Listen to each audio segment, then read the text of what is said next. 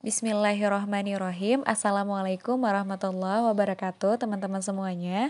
Semoga keselamatan, rahmat Allah dan keberkahan Tercurah limpahkan pada teman-teman semuanya. Dan juga pada seluruh kaum muslimin Yang berada di mana pun dan kapan pun. Amin ya Allah ya Rabbal Alamin. Alhamdulillah, Alhamdulillah Rabbil Alamin, Alhamdulillah Rabbil Alamin. Mari kita awali kesempatan kali ini dengan penuh rasa syukur. Karena ternyata tidak ada kata yang pantas lebih pantas terucap dibandingkan hamdalah gitu katanya ya masya Allah. Aku belajar dari Ustaz Nuzul Zikri pasti di awal uh, beliau membuka uh, kajian tuh pasti kayak gitu dengan hamdalah. Dan ternyata baru-baru kemarin dapat hamdalah itu adalah ucapan uh, memuji ya dengan rasa cinta di Masya Allah teman-teman ketika kita sedang mengucapkan hamdalah coba sambil rasakan. Nah ini kan ngomongin femininitas ya e, identik dengan merasa. Jadi kita harus sambil merasakan kecintaan kita kepada Allah. Jadi syukur itu tidak hanya sebatas formalitas ya alhamdulillah alhamdulillah, alhamdulillah gitu ya. Bahkan juga nggak jelas pelafalannya alhamdulillah kayak gitu ya. Sampai 33 kali aja yang penting tanpa ada pemaknaan tanpa ada rasa cinta wah sayang banget. Oke okay, aku izin mengawali uh, perjumpaan kita pada kesempatan kali ini dengan sebuah uh, apa ya kata-kata yang menurut aku masya Allah banget dari Imam Ibnu Qayyim ya yang uh, yang kata-katanya tuh bikin merinding banget gitu soalnya tentang syukur Ya, mari sama-sama kita maknai. Seandainya manusia mengetahui bahwa nikmat Allah yang ada dalam musibah itu tidak lain seperti halnya nikmat Allah yang ada dalam kesenangan, niscaya hati dan lisannya akan sibuk untuk mensyukurinya. Masya Allah, Alhamdulillah, Alhamdulillah, Alhamdulillah. Ya, jadi ternyata nggak ada bedanya loh nikmat Allah pas kita diberikan kesenangan sama kita diberikan musibah. Gitu.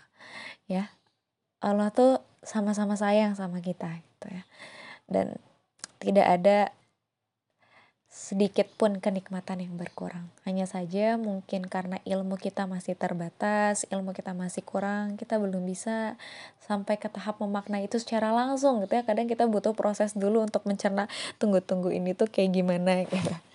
Oke, okay, uh, inilah lagi-lagi pentingnya femininitas ya. Bagaimana kita tuh bisa langsung terkonek kepada Allah. Waktu itu pernah ya Agim pernah nyampain sabar itu adalah kecepatan untuk kembali kepada Allah katanya gitu. Jadi di antara makna sabar yang banyak banget gitu ya Agim itu menyampaikan ya seberapa cepat kita ingat lagi ke Allah dalam segala sesuatu? Ya entah lagi ujian atau entah itu lagi diberikan kesenangan ya ujian berupa kesenangan. Ya ingat ke Allahnya uh, berapa detik, butuh berapa detik, atau butuh berapa menit, atau butuh berapa minggu untuk sampai bisa ingat ke Allah, kayak gitu ya. Jadi penting sekali memang kita mengasah hati kita. Oke, okay, uh, eh, kemarin kita sudah membahas tentang femininitas yang terus menurun dan tergerus ya, dan insya Allah ini uh, merupakan akhir dari bab ini ya uh, judulnya Femininitas Bunda. Jadi materi kuliah pertamanya ya ini akhirnya. Tapi uh, belum paling terakhir sih. Jadi nanti terakhirnya itu insya Allah ada ditutup dengan kisah yang ditulis oleh Bu Puji Lestari. Tapi kita akan di episode kali ini kita akan uh, sama-sama memaknai tentang femininitas bunda. Ya, tapi sebelum masuk sana, mari sama-sama kita memohon pertolongan Allah terlebih dahulu ya agar Allah berikan kita kekuatan untuk bisa uh, lebih fokus ya. Karena kalau misalnya udah fokus kan bisa nyimak terus juga kita bisa lebih ikhlas bisa lebih jujur dalam uh, setiap aktivitas kita sih ya. Bukan hanya dalam menyimak podcast ini saja Mari sama-sama memohon pertolongan agar Allah jauhkan kita dari niat yang salah, ilmu yang salah dan tidak bermanfaat, dan juga dari amal-amal yang salah. Bismillahirrahmanirrahim. Allahumma inna as'alukal huda wat tuqa wal afaf wal gina Ya Allah, berikanlah kami petunjuk ya Allah. Berikanlah kami ketakwaan ya Allah. Berikanlah kami kemuliaan. Berikanlah kami gina ya Allah. Gina kekayaan hati yang membuat kami selalu bersyukur dengan apa yang telah engkau titipkan kepada kami. Amin, amin ya Allah ya Rabbal Alamin. Hmm. Baik, langsung saja kita masuk kepada bahasannya feminitas bunda. Bismillahirrahmanirrahim. Peran utama para bunda adalah mengasuh anak. Berikut ini uraian peran-peran bunda yang semuanya berintikan kepada sifat feminin. Bunda adalah pemberi cinta dan ketulusan. Bunda adalah sosok yang syarat akan pengorbanan. Bunda adalah promotor keharmonisan. Bunda adalah sinergi, pengajar moralitas dan nurani, pembangun hati dan rasa, pembasuh luka, dan penyedia femininitas. Bunda adalah person of love and sensory sincerity atau pemberi cinta dan ketulisan serta sosok yang rela berkorban. Ketiga kualitas tersebut adalah kekuatan utama dalam mendidik anak.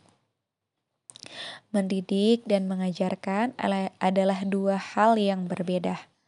Mengajar berarti melakukan transfer pengetahuan dan keterampilan, sedangkan mendidik berarti menularkan karakter. Aku ulangi, mendidik berarti menularkan karakter. Pihak yang paling mampu untuk mendidik adalah orang tua. Sedangkan yang bisa menerima delegasi untuk mengajar adalah sekolah. Pihak yang mampu menularkan karakter adalah orang yang punya ketulusan yang tinggi. Sedangkan ketulusan adalah milik orang tua, terutama bunda. Semakin tulus kita berperan sebagai orang tua, semakin tinggi aura kita untuk menularkan karakter kepada anak. Sebaliknya, semakin tidak tulus kepada orang kedua orang tua, maka semakin sulit bagi mereka untuk menularkan karakter pada anak. Pengorbanan akan memperkuat proses penularan karakter. Pengaruh keteladanan orang tua semakin kuat saat mereka mampu menunjukkan pengorbanan yang penuh ketulusan. Nah, di sini kita bisa highlight ya, teman-teman, bahwa pendidikan itu sangat-sangat bergantung dengan ketulusan. Jadi berbanding lurus dengan ketulusan. Bagaimana pendidikan itu bisa kuat, menancap atau menular tadi ya daya tularnya itu bisa kuat, itu berbanding lurus dengan seberapa orang itu tulus untuk bisa memberikan pendidikan itu. Jadi, masya Allah ya, pendidikan itu berhubungan dengan ketulusan. Dan tulusan itu bagian dari niat ya, masya Allah lagi-lagi urusan hati gitu. Makanya penting banget ketika kita ingin melakukan satu pendidikan di mana pun ya kalau misalnya aku pribadi kan belum jadi e, ibu ya di sini kan konteksnya ibu e, tapi gimana ingin bisa jadi jalan ya jadi jalan kebaikan untuk orang lain. Artinya kita harus tulus. Niatnya tuh bener-bener lillahi ta'ala. Bukan ingin orang itu berubah orang itu berubah karena kita tentunya ya. E, berubah jadi e, lebih baik dan menghargai kita. Nah kalau ada kita kitanya tuh masih ada ingin dianggap, diakui dan yang lain-lain berarti belum tulus gitu ya. Jadi kalau tulus tuh ya udah lakukan uh, eh berdoa sama Allah lakukan.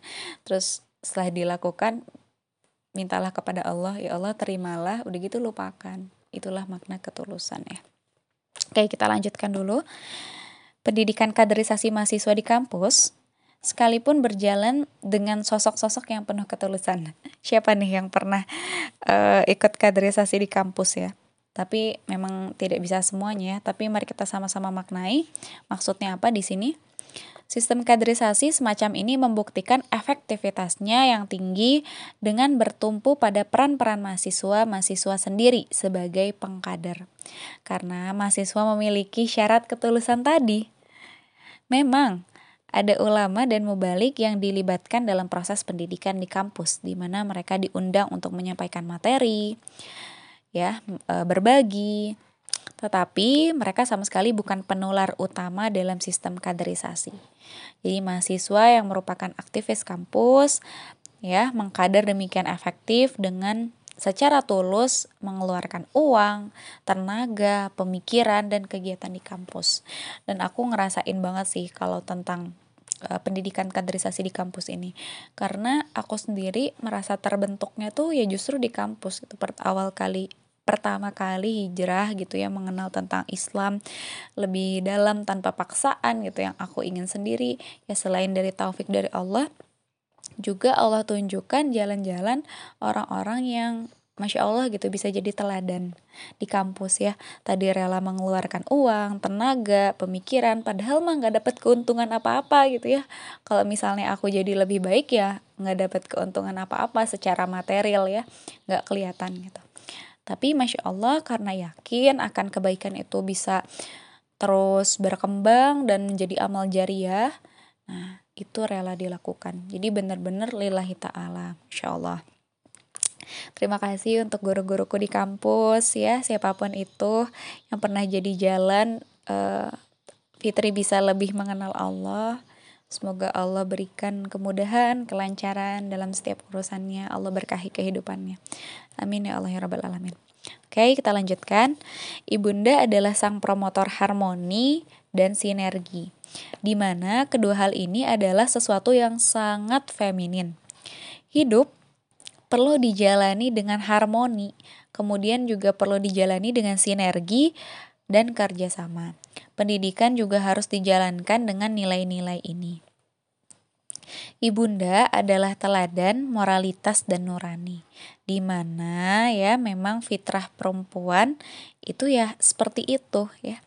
Berlakunya kehidupan sejalan dengan nilai-nilai keselarasan sungguh menuntut peran kaum perempuan dalam mempersiapkan generasi.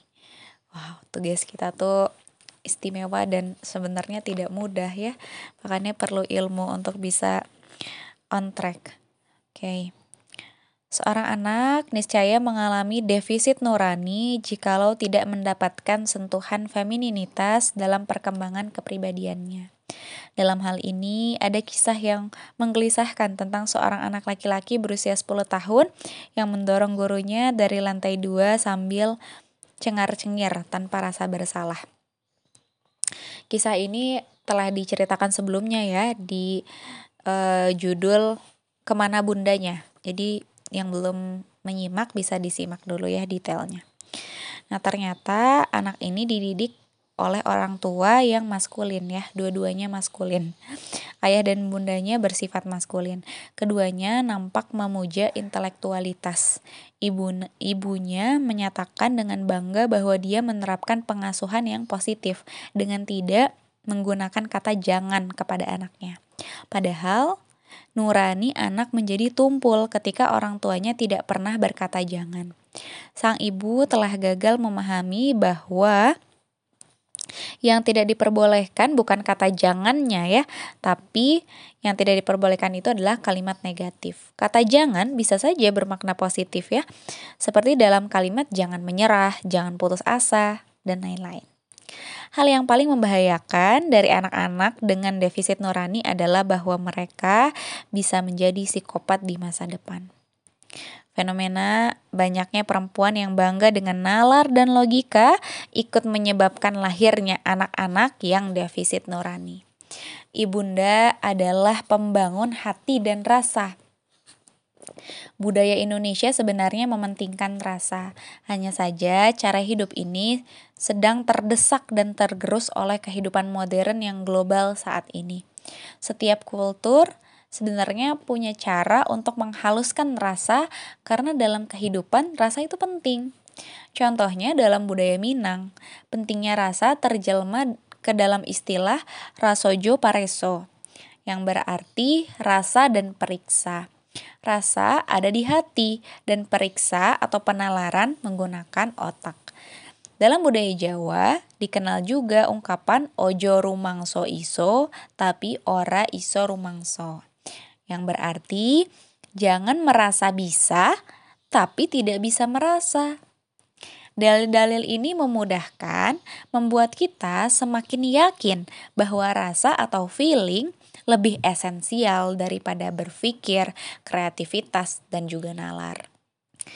Bunda adalah sang pembasuh luka fitrah ayah yang memang sebenarnya adalah raja tega ya, sang raja tega di rumah dan ya bunda ini yang berperan sebagai pembasuh lukanya atas ketegasan atau ketegaan dari ayah tersebut. Bunda adalah penyedia femininitas.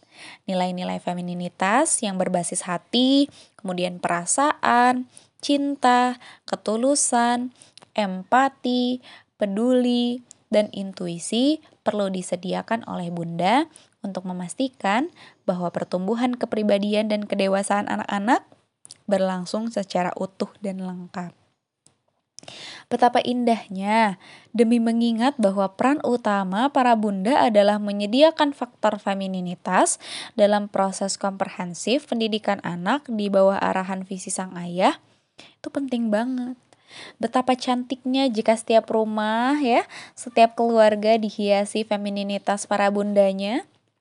Betapa eloknya jika femininitas ini bisa menghiasi pribadi kita agar harmoni dengan alam semesta bisa terwujud. Betapa bahagianya jika para bunda dengan femininitasnya berkontribusi membangun peradaban umat saat ini. Semoga kita diberikan kesempatan untuk memulihkan, merevitalisasi karakter feminin dalam seluruh segi kehidupan di Indonesia. Amin, amin ya Allah ya Rabbal 'Alamin. Sekian uh, materi penutup dari bab ini ya, dari materi kuliah pertama tentang bunda dan femininitas. Insya Allah um, terakhir dari bab ini akan ditutup dengan sebuah kisah yang ditulis oleh Bu Puji Lestari. Tadi sudah disampaikan ya. Semoga Allah berikan kita kesempatan untuk terus belajar karena belajar adalah bagian dari kewajiban ya. Uh, dan kita juga sama-sama terus menerus meluruskan niat dan juga menyempurnakan setiap ikhtiar untuk memperoleh ridhonya Allah. Amin ya Allah ya Rabbal Alamin. Uh, selamat memaknai, selamat implementasi dalam kehidupan sehari-hari. Nilai-nilai yang sedikit terbahas ya. Semoga betul-betul Allah berikan pertolongan, kita bisa mengamalkan ilmu-ilmu yang telah kita peroleh di jalan Allah. Semoga Allah ridho, wallahu alam bisawab. Assalamualaikum warahmatullahi wabarakatuh.